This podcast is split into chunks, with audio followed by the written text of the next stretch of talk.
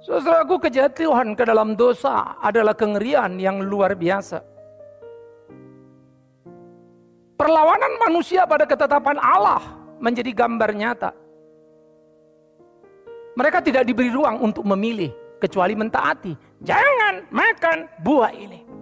Tetapi mereka memakannya. Sayang, manusia merendahkan derajat ketaatan dan berkata, itu bebas. Tapi manusia salah menggunakan kebebasannya. Siapa yang kau, hei manusia? Engkau tidak punya kebebasan memilih apa pun yang kau mau. Kecuali mentaati apa yang diperintahkannya. Sama dengan engkau tidak bebas untuk memilih mau percaya kepada Yesus. Kecuali ia memberikan anugerah itu kepadamu. Saya pikir orang Kristen perlu konsisten di dalam memikirkan bagian ini. Sehingga kita tidak terjebak pada teologi modern yang coba melululantakan pemaknaan akan anugerah ilahi itu. Oleh karena itu saudara-saudaraku yang kekasih, pelanggaran mengakibatkan kematian dan sangat mengerikan. Tak hanya terpisah dari Allah secara rohani, manusia pun mati secara jasmani, bahkan dalam proses dari waktu ke waktu. Saya sudah menggambarkan pada tiap kita. Adam dan eranya kita bulatkan saja seribu tahun.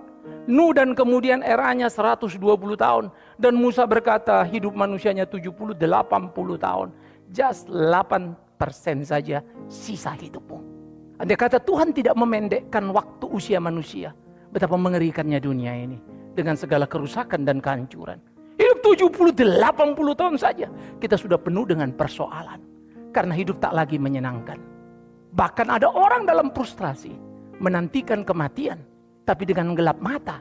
Karena dia tidak mengerti apa konsekuensi daripada kematian. Bukan ia rindu, tapi ia sudah tak kuat lagi menghadapi hidup ini. Karena itulah tak salah ketika pengkhotbah mengatakan, hidup hanyalah kesia-siaan. Makan, minum, sia-sia. Kaya, miskin, sia-sia. Kerja tidak sia-sia. Raja, hamba, sia-sia. Apa yang dimaksudnya dengan sia-sia? Bukan tanpa makna. Ada maknanya. Tapi dalam keterbatasan yang menyedihkan. Karena kata sia-sia berarti sementara.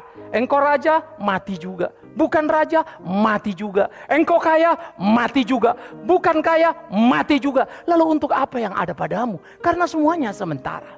Betapa bodohnya manusia jika dia terjebak dalam kesementaraan, berputar-putar dan berpikir ia sudah menyelesaikan persoalan kehidupan ini.